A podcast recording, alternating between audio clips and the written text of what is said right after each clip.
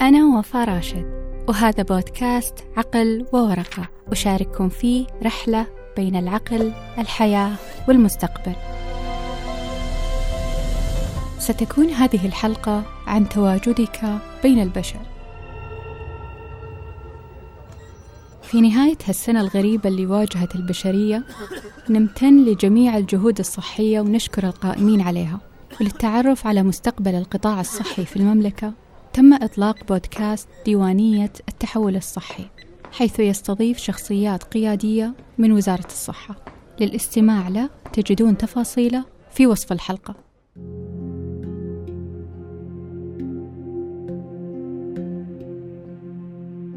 كالمشي في حقل شاسع مترامي الأطراف. علي أن أقرر سريعا إلى أين أذهب وأي اتجاه أسلك. علي أن أواصل المسير. فماذا إن كنت أريد التوقف؟ هذا ما يحصل حين أكون مع الآخر. فإن كان الآخر بالنسبة للبشر عامة وللإنسان الطبيعي محفز على التفاعل والكلام وربما البهجة فإنه بالنسبة لي مربك. يجعلني تائه في حقل شاسع. أشعر بأني لا أجيد التواجد مع البشر أو ربما أتواجد بصورة ليست أنا. وأخاف من فكرة عدم إدراكي لذاتي بعد فترة. هذه الأنا القابعة في عمقي والتي تجيد الحضور والحديث ومناقشة الآراء وبكل ثقة. ولكن أمام أصدقائي المتخيلون والشخصيات التي اخترعتها مع قصص ومواقف أنسجها بخيالي وأجيد التواجد بها. أصبحت مخيلتي هي البقعة التي لا تخذلني. ولكنني في الحقيقة مللت ذلك رغم راحتي به. في الحقيقة بقائي وحيدا يحزنني ولكن وجودي مع البشر يشعرني بأنني أريد الخروج من جسدي. لا أدري إن كان العالم امتلأ بالزيف لهذا الحد وأنا وحدي من أشعر بالحقيقة أم أن العالم امتلأ بالكمال لهذا الحد وأنا الناقص الوحيد. لست أكره البشر بل على العكس أحبهم. أحبهم جدا ولكني أخشى حاجتي لهم وأخاف من فكرة أن لا أراني بوضوح إلا من خلالهم فكم جعت لعناق حينا ولإنصات أحيانا أخرى ومن البشر حتى شيدت مخبئي What if you had it all, but nobody to call?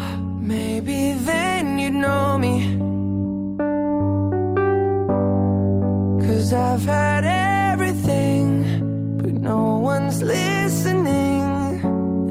just fucking lonely. I'm so lonely. نعرف أن البشر كائنات اجتماعية وإنها ما تقدر تعيش بمعزل تام عن الآخر ويقال إنه بسبب أنها أكثر كائن يتطلب عناية منذ ولادته وتستمر لسنوات طويلة لذلك اعتاد البشر أنهم يكونون دائما برفقة الآخر وعكس ذلك يعتبر حالة غريبة تحتاج تدخل لأنك ما تقدر تكون لوحدك. وحتى إن كنت في عزلة لا تكون وحيدا تماما وإنما مرتبط بشيء ما ولو كان كتاب أو نبتة مثلا. فهل فعلا ما نقدر نكون لوحدنا؟ في القرن الثامن عشر تم استحداث نظام عقوبات بديل للعقوبات العلنية. نظام يقوم على العزلة وسمي بنظام بنسلفانيا وهو ما يعرف حاليا بالحبس الانفرادي. كان الغرض من هذا النظام إصلاحي بحت بحيث يكون الشخص في عزلة تامة تتيح له التفكير في أخطائه ومراجعتها. ما أعتقد أن العزل لسنين إصلاحي ولكن ظهوره دفع علماء الأعصاب لدراسة أثر العزلة التامة على عقل الإنسان واكتشفوا إنها ممكن تدمر منطقة في الدماغ اسمها هيبوكامبس واللي مهمة للذاكرة والعاطفة والتوجيه المكاني. وإذا أخذنا بالاعتبار نقطة الخيار والإجبار ونقطة جودة المكان والبيئة فإن هذا لا يلغي أثر العزلة التامة على البحارة الوحيدين ومكتشفين القطب الشمالي وإنهم بسبب العزلة التامة عانوا من الهلوسة. مثل جاشوا أول شخص يطوف العالم بمركب شراعي بمفرده. قال بأنه رأى وتحدث مع قائد سفينة كريستوفر كولومبوس. فالعقل البشري لا يستطيع الحفاظ على اتزانه الكامل بمعزل عن البشر. ولكن هل الجملة الأصح إننا ما نقدر نكون لوحدنا أو إننا نخاف من أن نكون لوحدنا؟ نخاف نواجه كل ما تحمله عقولنا. نخاف نشوف كل شيء بوضوح دون أن يتم قطع هذه الرؤية أو تشتيتها هل لجوءنا للبشر هو هروب من أنفسنا؟ هل هذا ممكن يكون منبع شعورنا إذا كنا وحدنا؟ وهذا بالنسبة للعزل التام فهل عقلنا يرفضه هو فقط؟ يعني إذا كنت مع البشر بس مو معاهم وش يصير؟ What does it mean to be normal? And what does it mean to be sick? So let's shift the conversation from what it means to be normal versus sick to what it means that a majority of us are both normal and sick. Because in the final analysis, we're all humans whose brains provide for a spectrum of experiences. هذه ريتشل قالت سؤال جلست أفكر فيه مرة كثير تقول ما الذي يعنيه أن تكون طبيعي وما الذي يعنيه أن تكون مريض؟ وبعدين قالت ما الذي يعنيه أن نكون الاثنين معا؟ ريتشل لأنها تعاني من حركات لا إرادية تخصصت في علم الأعصاب واكتشفت أن المنطقة المسؤولة عن الحركات اللا إرادية والسلوكيات القهرية في دماغنا مرتبطة بالوحدة بمعنى الانفصال الاجتماعي يقلل من الإشارات التي تصل لهذه المنطقة وقلة هذه الإشارات يجعلك تشعر بالوحدة حتى في غرفة مليئة بالأشخاص واللي تحبهم بعد وشبهتها بفكرة الجوع So similarly, loneliness creates a hunger in the brain which hypersensitizes, neurochemically hypersensitizes our reward system. مثل لما تجوع ودك تاكل أي شيء وكل شيء يبدو لذيذ عقلك يجوع ويطلب التواصل وتبدأ تشعر بالاستياء وتصبح قلق وسريع الانفعال ويخليك تسوي أي شيء عشان توازن الكيمياء العصبية بدماغك وتسعى للحصول على الراحة من أي مكان مثل الأكل أو الارتباط بالماديات أو الأجهزة الإلكترونية أو الاهتمام بالنباتات وغيرها. يعني عقلك يجوع طالبا البشر. ولكن هل انفصالي عن البشر هي الحالة الوحيدة اللي ممكن أشعر فيها. بالوحدة؟ أعتقد بأننا واجهنا هذه الحقيقة خلال أحداث هذه السنة واكتشفنا أن مو كل عزلة تعني الشعور بالوحدة وأن ممكن ينبع هذا الشعور من عمق علاقاتك. لكن ما اكتشفت إلا لما اضطريت تنعزل برفقتها. فوش اللي يخليني أحس بالوحدة؟ وأنا بين البشر. دايما أقول بأن تعريفنا لشيء ما هو اللي يحدد نظرتنا له وتبنينا لتعاريف معينة هي اللي تقودنا لتبني مشاعر معينة. ودكتور في ألبرتي كاتبة A Biography of Loneliness أو سيرة الوحدة لها نظرة مثيرة للاهتمام. تقول علينا أن نرى مشاعر البشر على أنها نتاج التاريخ وليس استجابة بيولوجية تلقائية. وأن نفهم السيرة التاريخية لكل شعور لنفهم ماهيته الحالية. يعني إن شعورنا الحالي يعتمد على تاريخ هذا الشعور ونظرة البشر له. فما هو تاريخ شعورنا بالوحدة؟ قبل القرن الثامن عشر لم تذكر كلمة وحدة في نصوص اللغة الإنجليزية. يعني كلمة loneliness ما استخدمت إلا نهاية القرن. كان موجود فقط loneliness أو lonely places. وكانت هذه الكلمات تصف أن تكون وحيدا بالمعنى الحرفي دون أن تشمل المشاعر ووصفها. بمعنى أن استخدام مصطلح الوحدة بالمعنى المراد أو الحديث نادر وغالب ما يستخدم بالمعنى الوجودي. يعني شجرة وحيدة صخور وحيدة مثلا. ثم بعدها أصبح ينظر للوحدة على أنها مشكلة نفسية أو صحة عقلية. إلى الثمانينات. حيث تم تطبيق مصطلح وباء على الوحدة ولأول مرة وتم تأطير الوحدة على أنها وباء عالمي حديث. تعقد الموضوع أكثر بظهور الحركة الرومانسية. لما رسم الرومانسيون صورة للسعادة تكمن في تحديد رفيق للروح استثنائي. وبأن مجرد وجود هذا الرفيق ما راح يضطر الشخص أن يشعر بالحزن أو التفكك مرة أخرى. رسم الرومانسيون لهذه الصورة واللي أقنعوا فيها العالم الحديث كان لها أثر كارثي على تقييمنا لما قد يعنيه أن نبقى وحدنا بأن اختيار الشخص لذلك يضعه تحت دائرة المرض. الحركة الرومانسية ما أثرت فقط على من هم بمفردهم بل أثرت على الأزواج. اللي كانوا يتخبطون بهدوء ولم يصلوا للصورة اللي وصفوها وكانت النتيجة إنهم أصبحوا يشعرون بالوحدة أيضا.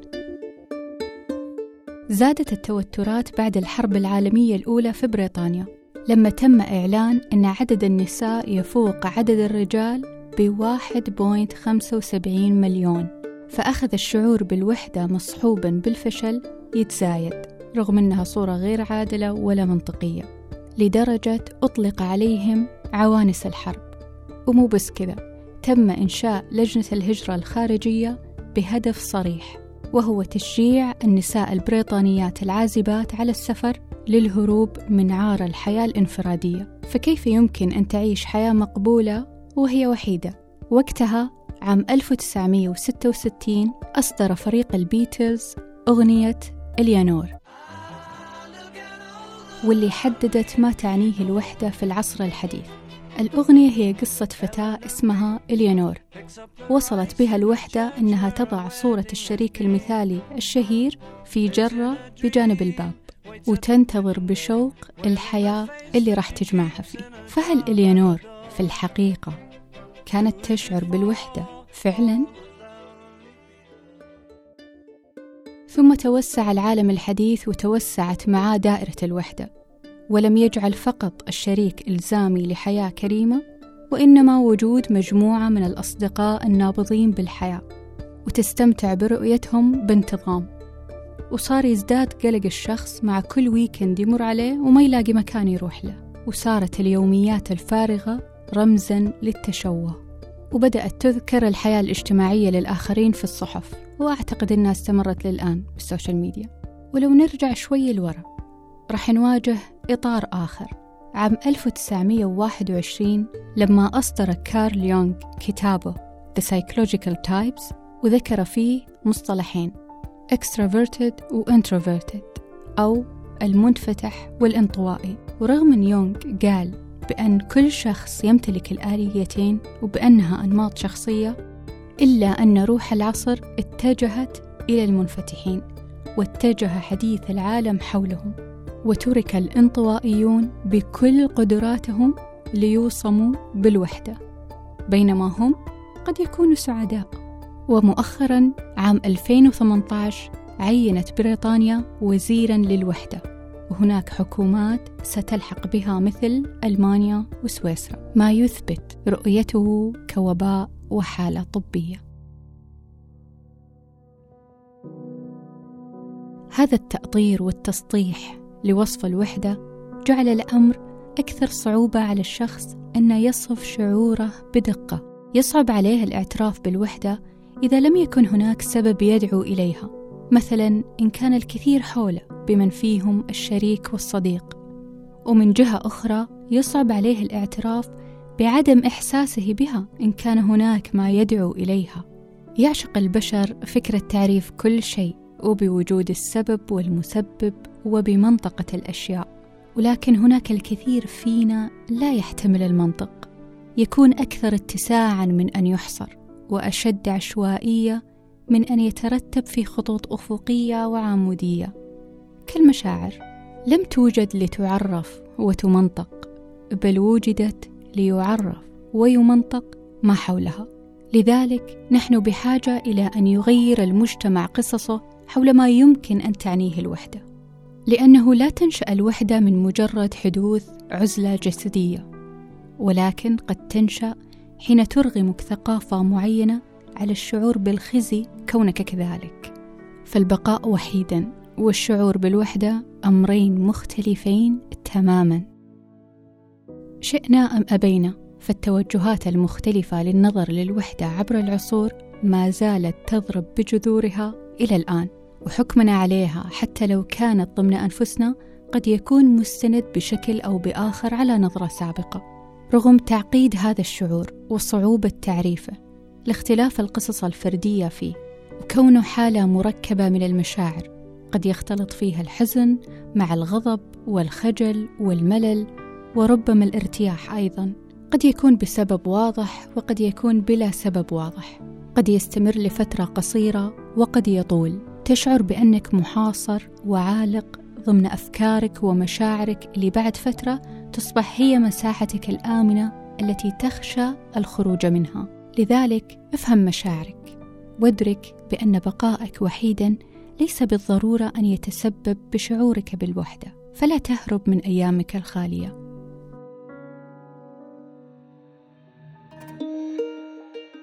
سأل الدكتور في في حسابها في تويتر كيف يبدو صوت الوحدة؟ وكانت هناك إجابات مثل صفير الهواء في المدخنة صوت الضحكات البعيدة عنك صوت العصافير التي تملأ أشجار الضواحي وكل هذه الأمثلة تمثل الانفصال أو حدوث شيء لم يكونوا جزء منه بينما الشعور بالوحدة قد ينشأ رغم وجود البشر ورغم علاقاتك. وفي تعريف عملي له وهو الوعي بوجود فجوة بين العلاقات التي يمتلكها الشخص وتلك التي يريدها. فما يجعلنا نشعر بالوحدة ليس عدم وجود أشخاص حولنا وإنما عدم وجود أشخاص يمكنهم فهم أجزائنا العميقة أجزائنا الأكثر صدقا والمليئة بالتناقضات والعيوب. وجود أشخاص يمكنهم رؤيتنا عن قرب رؤية دواخلنا وعمق أرواحنا. ونقاط ضعفنا دون أن نشعر بالخجل من ذلك. فالوحدة لا تنتهي بمجرد حديث عابر تجريه مع شخص حول الطقس مثلا أو آخر الأخبار ولكنها تنتهي حين نعترف للآخر وبسهولة عما نعرفه عن أنفسنا. ألا نكتفي برواية قصص عما قمنا به مؤخرا وما ننوي القيام به وإنما أن نروي قصصا تكشف حقيقة من نحن. أن نتخفف من شعور الخجل الذي يرافق الحالة بين ما نشعر به حقا وما يجب التحدث به عموما أن لا نضطر لتقديم واجهة أحادية البعد مبهجة تم فيها تخطي كل شيء محرج ولكنه أساسي ضمن حقيقتنا وجوهرنا We're getting used to a new way of being alone together. People want to be with each other, but also elsewhere. connected to all the different places they want to be. People want to customize their lives. They want to go in and out of all the places they are because the thing that matters most to them is control over where they put their attention. كثير ما يقال بأن البشر بنوا لأنفسهم عالم حديث منعزل ساهموا بشكل كبير في زيادة نسبة ومعدلات الشعور بالوحدة وأنا أعتقد بأن شعور موجود منذ الأزل يعني مثلا هل زمان يعني قبل القرن الثامن عشر وقبل ما يكون في أصلا مصطلح يستخدم للوحدة ما كان البشر يشعرون فيها؟ صحيح بأننا مؤخرا أصبحنا أكثر اتصالا وأقل تواصلا وهناك فرق كبير بين الاتصال والتواصل. وبأننا صرنا نشجع العلاقات ذات الروابط الضعيفة مع عدد أكبر من البشر. مثل ما قال عالم الاجتماع مارك في مقالته The Strength of Fake Ties ولكن الموضوع ما له علاقة بالمدن الكبيرة وجداول العمل المزدحمة أو حتى التواصل الافتراضي لها تأثيرها ولكن الأمر أكثر عمقا. يتعلق الأمر بالخيال والصورة التي نخبر بها أنفسنا مرارا عن ماهيتنا وما نشبه عن وجود ذات منفصلة عن العالم يكون معنى الحياة فيها مشروط. هذه الفجوة الناشئة بين الذات والعالم هي التي تستمر في توليد وتعزيز أشكال من الوحدة الغير مرغوب فيها. فإذا أردنا أن نفهم الوحدة علينا أن نفهم هذا الانفصال بين الذات والعالم. هذه الفجوة والانفصال قد تكون أحد المراحل الأولية للاكتئاب. فنحن كبشر نستعين بالآخرين عشان نحدد هويتنا أو نفهمها. ولازم نحصل على ردود أفعال وتقييمات من اللي حولنا طول الوقت. لأن هذا يساعدنا نكون أفضل ونحتاج لتفسيرات وترجمات لأنفسنا ولمن حولنا وللعالم.